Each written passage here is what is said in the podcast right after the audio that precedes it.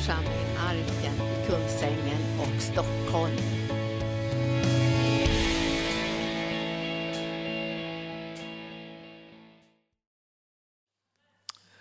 Halleluja.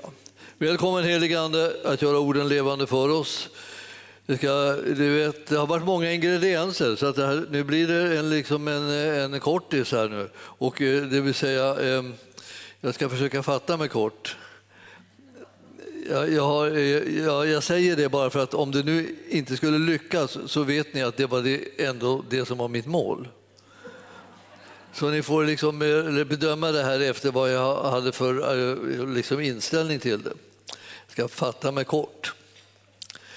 Eh, andra Timoteusbrevet ska vi gå till och det är andra kapitlet och det blir den nionde versen.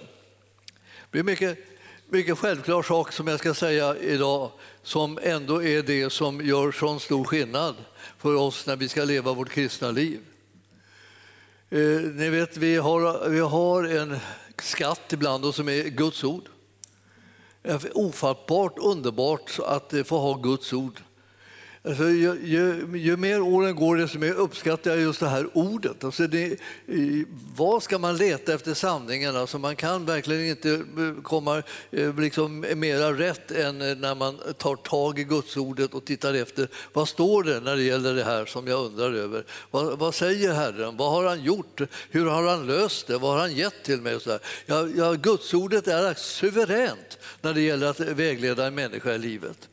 Och bygger vi på det, ja, då är vi de lyckligaste i alla livets omständigheter. Konstigt det där egentligen.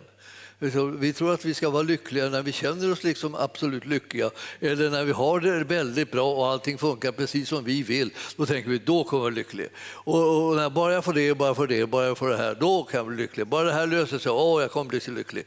Alltså, jag kan tala om för er, bestäm dig för att vara lycklig redan nu, det är mycket bättre. Det är, nu är det dags att vara lycklig. Därför att du har Guds ord och du känner Jesus.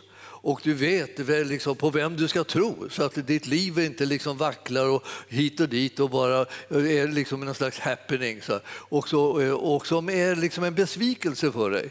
För man blir inte besviken på gudsordet, för gudsordet är sanningen. Det är förmedlandet av kärleksbudskapet om Jesus Kristus. Och det finns ingenting bättre än att känna till det här och vara bärare av det och att tänka på det, att tacka för det. Och då behöver man inte liksom så att säga, precis det här, varför ägna sig åt att stirra på jättar när man kan titta på Herren? Ja. Och då i jämförelse med honom så är de ingenting. Jättarna är inte att räkna med. Det är Herren som är att räkna med och vi väljer att eh, räkna med honom. Så nu då, eh, i 2.9 i Andra Timoteus så står det någonting som där som är jättebra. Alltså. Alltså, eh, först säger han så att alltså, i dess tjänst, alltså i det här ordets tjänst, alltså, Eh, så, så är det som jag lider och till och med bär bojor som en förbrytare, säger Paulus. Alltså, eh, eh, det var därför att ordet kom till mig och jag inte kunde komma undan det utan blev tvungen att böja mig för det och följa det och genomföra det som Gud ville. Då blev det så att jag, att jag kom in i, ett, eh, i en tjänst där jag led och där jag till och med bar bojor som en förbrytare. Därför att de började betrakta mig i omgivningen som att jag var en skurk. Alltså. Och man kan tänka sig, hur kan de ta så misse? Hur lätt som helst. De tittar nämligen inte i rätt, på rätt ställe. Vi tittar efter i ordet för att söka sanningen och Paulus han gjorde detsamma. Han tittade efter ordet, Jesus Kristus själv, för att veta vad som var sanning. Och när han mötte det där ordet, det levande ordet, då blev hela hans liv förvandlat. Han vågade göra vad som helst. Han vågade genomföra eh, eh, vilka strapatser som helst. Han vågade stå emot vilka storheter och myndigheter som helst. Han var fullständigt enastående i sin mod och sin djärvhet när det gällde att leva ett liv som var i Jesu efterföljd. Han gick inte omkring och var rädd för allt mellan himmel och jord. Alltså, man behöver inte vara rädd när man, när man följer Jesus, man, man, man är befriad från det. Du behöver inte rätt att frukta fågelfängarens snara. Alltså, du, du behöver inte tro att det liksom alla möjliga omständigheter de kommer att besegra dig och de kommer att förstöra ditt liv och de kommer att bryta ner dig och de, kommer, de håller på att skrämma vettet ur dig. Glöm det! Det är inte alls på det viset. Sanningen säger något helt annat. Du är kallad att vara en människa som ska leva i den här världen utan fruktan och tjäna Gud. Och du, och du ju mer liksom fokuserar på det, desto friare blir du. Så håll inte på att göra massa väsen och sånt som ingenting är. Det verkade ganska snopet för Goliat liksom, att, att, stå där så jättelik och så kraftig och så imponerande. Och han har liksom hotat och skrämt en hel här bara kommit fram och, och mopsat sig eh, dag efter dag. Och, och de låg där nere och bara, bara vågade kika på honom så här, precis vid kanten liksom, av sin eh, liksom, skydds, skyddsrum. Där. Och när de låg där och tittade på Goliat, alltså, åh han är så stark, han går inte, det går inte någonting. Till slut så klev en liten pojke fram med en sten, bara tjong, så, så, så dräpte han på eh, med en enda gång och där låg han. Vad var det vi var så rädda för? Kunde de fråga sig. Han, bara, han, han tålde inte ens en sten. Ja, en hel armé låg ju där liksom och hukade och, liksom, och, bestämde sig för att de skulle titta på den här eh, Goliat och tänka jag är mycket, mycket mindre. Jag kommer aldrig att kunna besegra honom. Det är förtvivlat alltså. Men så var det någon som inte tyckte att det var något särskilt med honom, men det var något särskilt med Gud. Och det var, eh, det var Davids inställning till det. Och, och för var och en som tror och för var och en som håller sig till Gudsordet så kommer det inträffa en, en uppresning i anden. En djärvhet, en styrka, en målmedvetenhet som gör att man inte låter sig skrämmas av någonting. Jag vill bara påminna dig om att det här är inte något ställe där du ska vara lärare hur du ska vara rädd och gå omkring och huka och inte vara synlig. Det här är ett ställe där vi håller på och reser på oss, där vi tar fasta på sanningen i Guds ord och tror honom som, som han har sänt, Jesus Kristus, och tror den seger som han har vunnit. Och därför är vi frimodiga när vi lever i den här världen. Vi är de mest välsignade av alla som känner Jesus. Va? Har ni varit med om maken till underbar sak? Känna Jesus.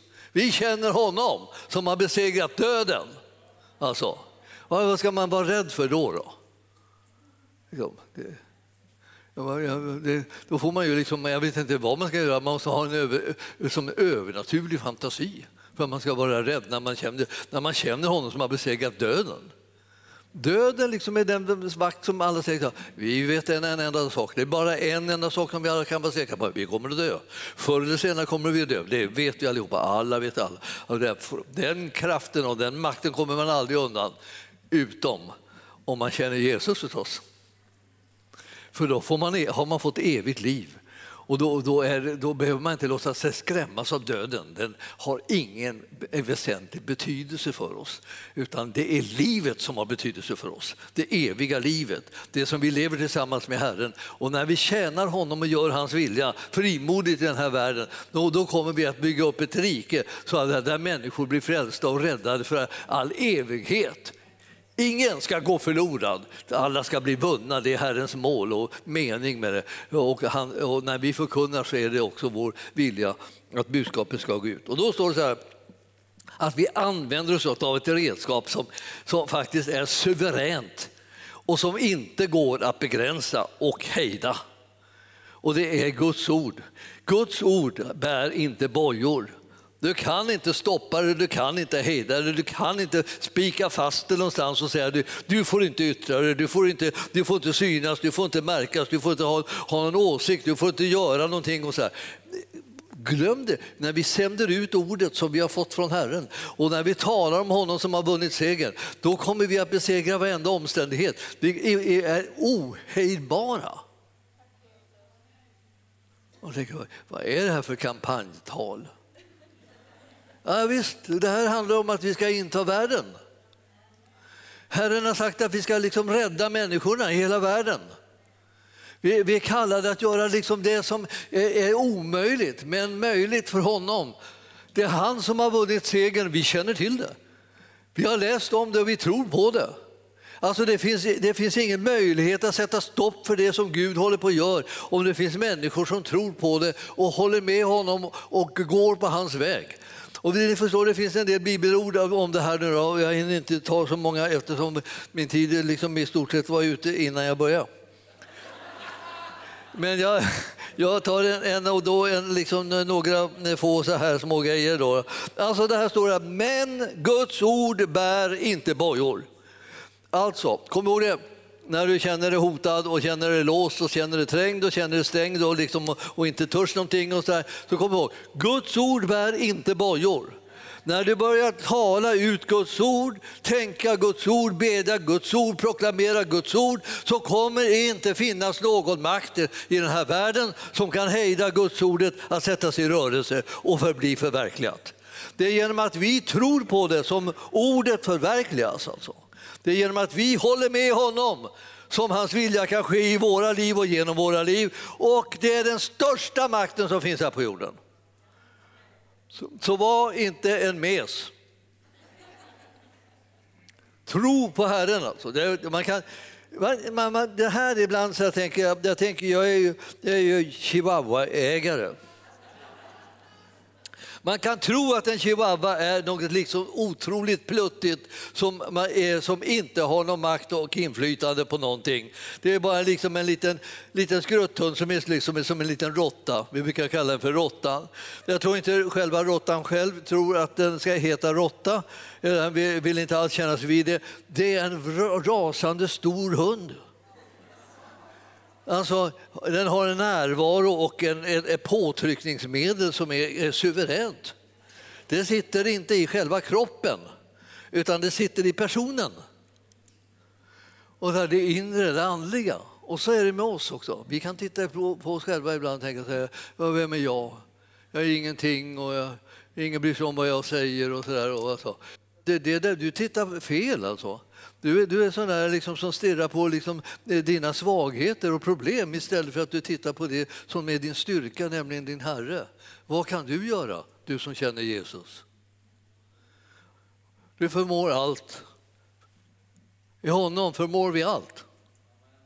Ni har, ni har, läst, ni har läst det. Alltså jag, jag bara, jag bara liksom påminner. Du, det, förstår, det finns bibelord som talar om för dig hur, hur du ska se på dig själv och vad du ska tänka.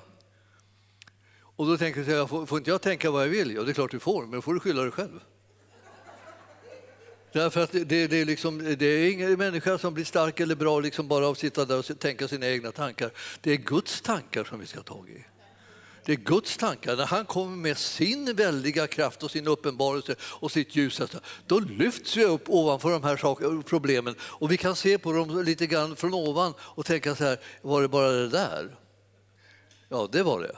Det var bara det där. För att i jämförelse med vad Herren förmår så var det ingenting som kommer att hindra oss som ligger i den här omständigheten. Utan det, när Herren kommer så kommer han med sin väldiga styrkas kraft och hjälper oss att göra det som behöver göras, som hjälper oss att övervinna omständigheterna och, och göra slut på all liksom, feghet och all rädsla och allt hukande hit och dit. Guds folk ska resa på sig. Och det här landet behöver inte liksom bara så att säga, kom Gud med en frälsning, gör någonting åt det här folket och vi ber till Gud att eh, han ska gripa in. Så där. Utan, utan det är så här att vi, vi behöver höra liksom från Herren att vi ska resa på oss. När Guds folk reser på sig, jag menar, då vet ju folk var de ska ta vägen. De ser ju vilka de ska alliera sig med. Alltså, om man, om man är riktigt klok och smart så allierar man sig med Guds folk och Guds rike. Dit tar man sin tillflykt. Och då får man vara med om det som att allting kan bli möjligt. Utvägarna finns där, lösningarna finns där, hjälpen finns där, kraften är närvarande. Det blir en helt annan situation. Och när man börjar ana det så kopplar man ihop med det där det finns någonting som, som kan göra skillnad i livet till, i positiv bemärkelse och inte bara titta, titta på det som ska rasera livet och ta modet ur den. Vi kallar det att räkna med, räkna med Gud och den seger som han har vunnit genom sin son Jesus. Och det, och det ska vi ha del av. Nu, jag ska sluta strax. Det var väldigt vad det här var, kändes... Ja, eh, vad har jag det bibelstället nu då? Liksom, jag är ju konfunderad här. Eh, Jo, ja, just det. Vi ska gå till Hebreerbrevet tänkte jag då. också, och, i fjärde kapitlet. Hebreerbrevet 4. Det är väldigt bra det här Hebreerbrevet. Jag brukar säga att, det, att, att man inte får e, läsa det förrän man har fyllt 30. Men eh, det är inte jag som bestämmer det där. Jag vet många som, är, som har läst Hebreerbrevet fastän de inte är 30 än. Det har gått bra. Ska, här ska ni se vad det står. Det står någonting som är en nyckel för oss. En nyckel. Och jag menar, nycklar är sådana där saker som vi får höra många gånger ofta. Alltså vi får höra om det här, så här är det, så här är det, så här är det. Ja, då tänker vi, det där har jag hört. Jag har hört det, jag har hört det, jag har hört det. Jag har hört det. Ja, jag har hört det, jag har hört det. Och, och då, då, kan vi säga att ja, men, oj då, förlåt mig att jag säger någonting som du har hört. Jag ska aldrig göra om det. Men saken är den, det ska jag visst det. Därför att jag hör på dig att du inte har hört vad du har hört. Eftersom du klagar på det. Du klagar på det därför att du inte har fått erfarenhet av det ännu. För hade du fått erfarenhet hade du prisat Gud och sagt ta det igen, ta det igen, ta det igen. Det här är alldeles enastående, underbart. Ta det igen alltså. Och nu ska vi läsa här någonting som vi behöver ta igen. Fjärde kapitlet i brevbrevet, första versen. Låt därför med, eh, oss därför med fruktan se till att ingen av er visar sig bli efter på vägen när ett löfte att komma in i hans vila står kvar. Ty evangeliet har predikats för oss liksom för dem. Men för dem blev ordet som de hörde inte till någon nytta eftersom det inte genom tron hade smält samman med dem som hörde det. Det där är suveränt. Ni förstår, det hela handlar om att det som man hör ska smälta, smälta ihop med en genom att man tar emot det här som man hör i tro. Alltså Gudsordet har en förmåga och en kraft i sig att när det går ut väcka tro. Och när det väcker tro, då blir man en mottagare av det som Gudsordet innehåller. Alltså själva budskapet, gärningen, segern, kraften, allt vad det är för någonting som Gudsordet innehåller. Alla löftena som kommer genom Gudsordet. Du blir mottagare av det när du får tro. Tron kommer av predikan och predikan i kraft av Kristi ord. Ni känner ju till det så väl. Det är liksom bara, man hör det och hör det, hör det och hör det. Predikan jag kan säga, det är mycket nära det som folk tycker ibland om predikan. Att predikningar, att en predikan, ja det är ett evigt tjat liksom, kan man säga. Och det är precis vad det är. Eh, eh, predikan är att man, om man tjatar om samma saker och hela tiden, om och om och om igen, för att väcka tro. Och vi behöver tro för att kunna ta emot det som Gud ger oss och lovar oss i löftena som vi predikar om. Och det här håller vi på med, håller på med, håller på med. Och sen en dag så blir hela Guds församling överlycklig över att de tror på det som har predikats för dem i åratal. Alltså de, bara tänkte, de nästan tänkte, jag, tänkte, jag smäller av. Jag dör, jag dör av lycka. Eller så här. Alltså för att nu ser jag ju, det här, är, det här är ju mitt, det tillhör ju mig. Jag har ju del i Guds rike, jag har ju del i det eviga livet. Jag menar, jag har ju kraft, jag har ju utvägar, jag har ju helande, jag har ju glädje och allt vad det här som, som finns som Herren bara låter strömma till oss, det är vårt.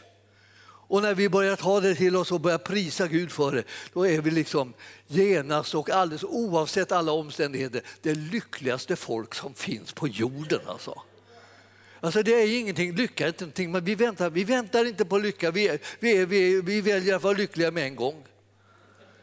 Därför att Gud håller nämligen vad han har lovat. Det är inte så att, det liksom att om Gud lovar någonting så får se om det blir så.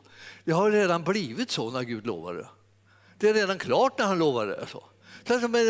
Det är ingenting liksom att tänka, vänta vi får se. Utan nu är det här redan, vi prisar Gud redan. Vi kan göra det omedelbart, vi bara väljer att nu får inte det här andra någon makt med mig längre. Nu har jag gett det så mycket uppmärksamhet, det har inte förtjänat det. Den enda som förtjänar att uppmärksamma är Jesus Kristus.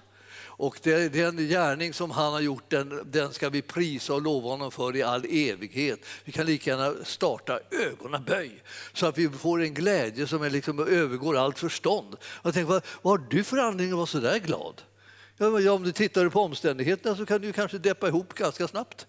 Men, men om du låter bli det och tittar på din frälsare istället och på hans gärning så kommer du kunna bli lycklig redan nu. Alltså, och känna, här har jag det. Jag är den som har segrat tillsammans med frälsaren. Han har vunnit segern och den segern är min. Och jag kan vara lycklig redan nu. Och du ska väl säga dig det att, välj rätt nu då. Det är, ibland så har vi, hör vi det där liksom, hur, man ska, hur ska vi välja nu då? Vad ska vi göra? Jag säger, ja, ska Ska du välja död eller ska du välja liv? Ja, jag, jag, rekommendationen från Bibeln är välj livet. Ja, man kan, kan säga det. Ska de behöva skriva en sån sak i boken? Så att jag menar, fattar inte vi det, att vi ska välja livet utan att de ska behöva skriva det i boken också? Vad säger det om oss? Jag hoppar över den frågan. Eh, eh, Men Herren förstår att, alltså, att han måste vägleda oss lite praktiskt och säga så här, nu har du två saker att välja på. Men jag ska inte låta dig liksom riskera liksom, att, att du missar det här bara för att du väljer fel och börjar titta på omständigheter. Utan jag säger till dig bara, välj nu livet. Döden inte bra, livet bra. Ja och så väljer du livet. Och då börjar ditt liv bli annorlunda än att du håller på liksom att fokusera på döden och nederlaget och omöjligheterna. Vi är, vi är inte kallade att göra det, vi är kallade bara Herrens representanter, hans språkrör. Jag har tänkt en del på det här med språkrör. Jag försöker också skaffa mig språkrör. Du kanske undrar vilka det är som är mina språkrör? Det är ni. Jag försöker att det ska bli språkrör utav varenda en. Så att det jag säger kommer ni att föra vidare. Jag kommer inte säga, ni får inte berätta för någon vad jag säger. Det kanske, är, kanske skulle kanske kunna vara effektivare att få ut det den vägen. Säger, gör inte det, säg ingenting till någon, ni får inte säga det till någon. Så vet alla det. Liksom. Min telefon går liksom varm därför att alla berättar för mig vad jag har predikat och vad jag har sagt. Liksom. Därför jag sa, säg det inte. Du som behöver att, att man säger till dig att säg det inte för att du ska säga det. Eh, till det säger jag, säg det inte. För er andra som, liksom är, som är väluppfostrade och, och, så där, och eh, kan ta en instruktion eh, så, så säger jag, säg det. Det jag säger till er, säg det till andra. Tala om för dem hur det ligger till. Tala om för dem vem Jesus är. Tala om för vilken seger som han har vunnit. Tala om för vilka, vilka livsmöjligheter och kvaliteter som vi har del i tack vare honom och vad han har gjort. Låt inte det liksom gå förbi någon, utan tala om det överallt. Alltså hans namn är det kraftfullaste namnet också. Jag ska avsluta med att säga det nu. Jag, Alltså, eh, hans namn är det kraftfullaste namnet. Det är så, det är så kraftfullt så att, att eh, bara man, bara man nämner, bara nämner man, man säger namnet, man, ska kunna, man viskar det nästan i något sammanhang och säga det namnet då där, när folk håller på med andra namn. Jag tänker ibland på sådär, ja, man sitter, man sitter och tittar på tv så är det liksom olika program och en del program så är det så att så fort de liksom, eh, ska börja säga någonting med eftertryck och liksom verkligen mena någonting och, eller tycka någonting är jättebra, då börjar de ropa på djävulen då är det ju, så, så, säga, då är det ju förkört alltså. För han är en riktig liksom förstörare och fördärvare. Så man ropar på honom så kommer han då.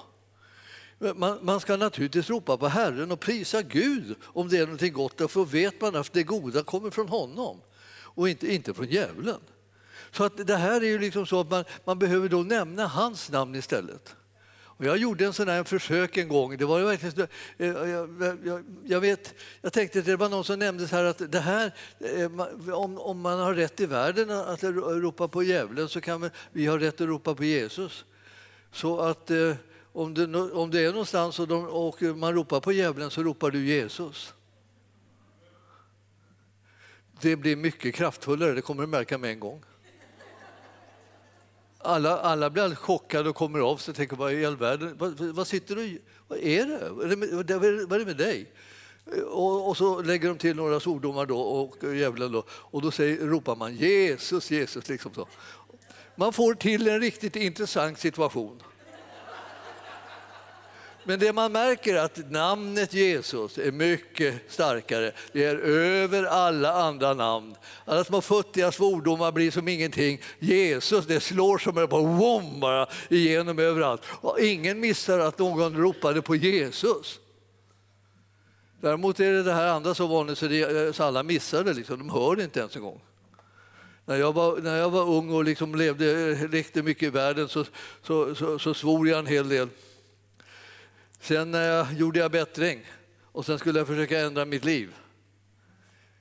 Jag hörde inte ens vad jag sa, alltså. jag hörde inte mina svordomar. Jag fick be Gud att, han skulle, att jag skulle höra när jag svor, så att jag kunde ta avstånd ifrån det. Så jag, så jag, jag, jag svor och så där. Och så, nej, vänta svor jag inte där? Jag tror att jag svor och då tog jag det liksom, och så bad jag om förlåtelse för den synden. Liksom, och jag, gjorde. Och jag sa jag vill, ha, vi, och så här, jag vill inte ha någonting med det att göra. Jag vill, du kan försvinna härifrån. Det är Jesus som jag följer och det är han som är min Herre. Så jag kände jag mig till det. Men så, men så kom de här svordomarna. De liksom på något sätt bara kom utan man tänkte på det. Därför att man har fått en slags vana i, i världen att bara liksom kläcka ur sig de här sakerna.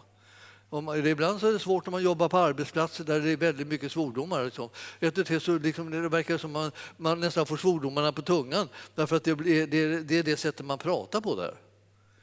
Men då sätter man igång och inför ett annat sätt av tal om man behöver det. Nu är jag ju välsignad med att ha en arbetsplats där man, där man inte svär något nämnvärt. Och eh, det är skönt alltså.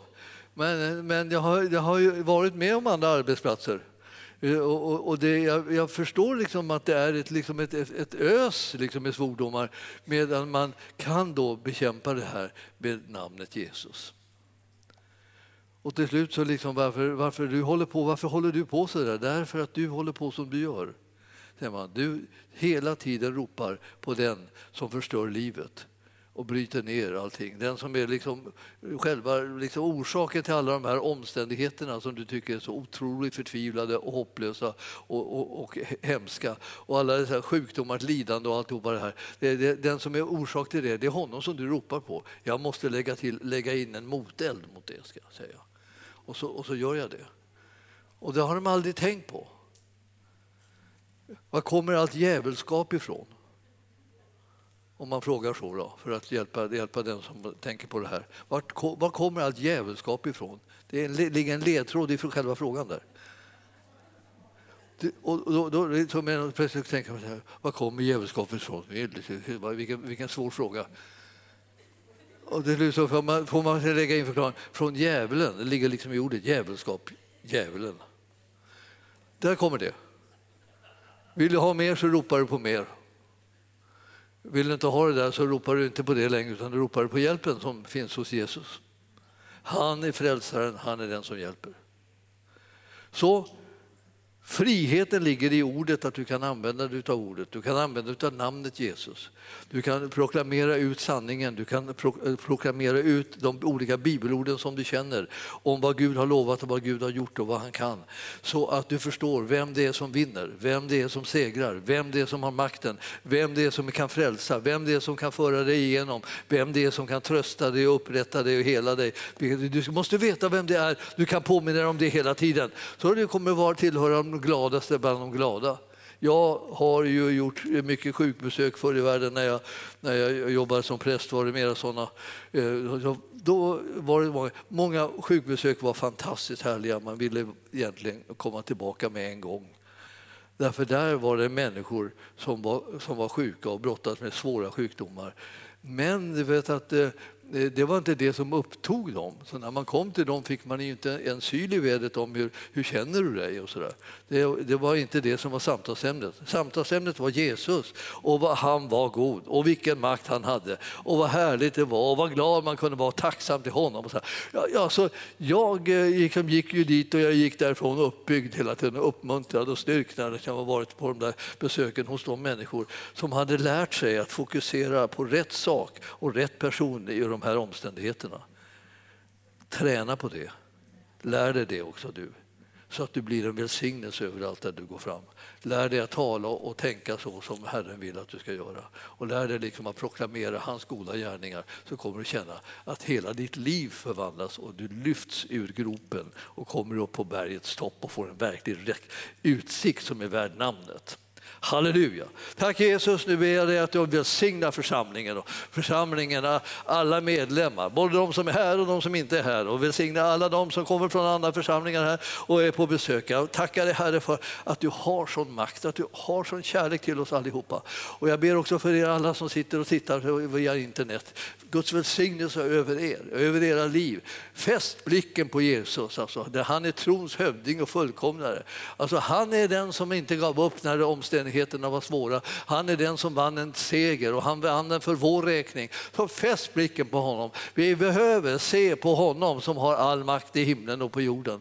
Vi tackar dig Herre för att du ska omsluta oss med din härlighet och din trygghet. Bygg en mur Herre runt omkring oss av din underbara härliga frälsning så att vi kan känna oss trygga i det. Så att vi vet vem vi tillhör och vet var, var vi hör hemma och ingen ska kunna rycka oss ifrån dig en sekund. Vi prisar prisar dig för ditt underbara härliga namn. I Jesu namn och församlingen sa Halleluja, tack Jesus. Prisad vare Gud.